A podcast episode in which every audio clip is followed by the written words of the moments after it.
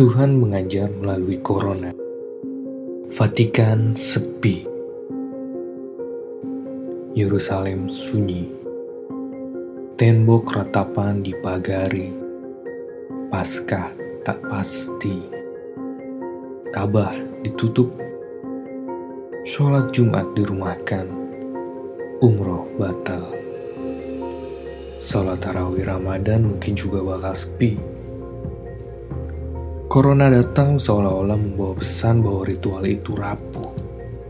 Bahwa hura-hura atas nama Tuhan itu semu. Bahwa simbol dan upacara itu banyak yang hanya menjadi topeng dan komoditi dagangan saja.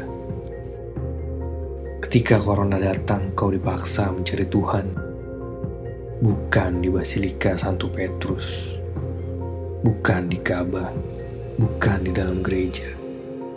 Bukan di masjid bukan di mimbar khotbah, bukan di majelis taklim, bukan dalam misa minggu, bukan dalam sholat Jumat, melainkan pada kesendirianmu, pada mulutmu yang terkunci, pada hakikat yang senyap, pada keheningan yang bermakna.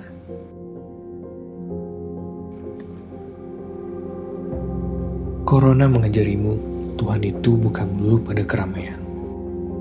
Tuhan itu bukan melulu pada ritual. Tuhan itu ada pada jalan keputusasaanmu dengan dunia yang berpenyakit.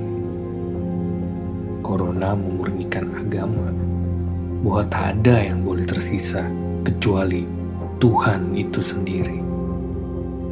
Tidak ada lagi indoktrinasi yang menjajah nalar tidak ada lagi sorak-sorai memperdagangkan nama Tuhan.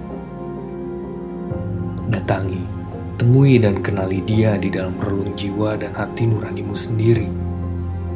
Temukan dia di saat yang teduh di mana engkau hanya sendiri bersamanya. Sungguhnya kerajaan Tuhan ada dalam dirimu. Kolbun mukmin baitullah. Hati orang yang beriman adalah rumah Tuhan. Biarlah hanya Tuhan yang ada.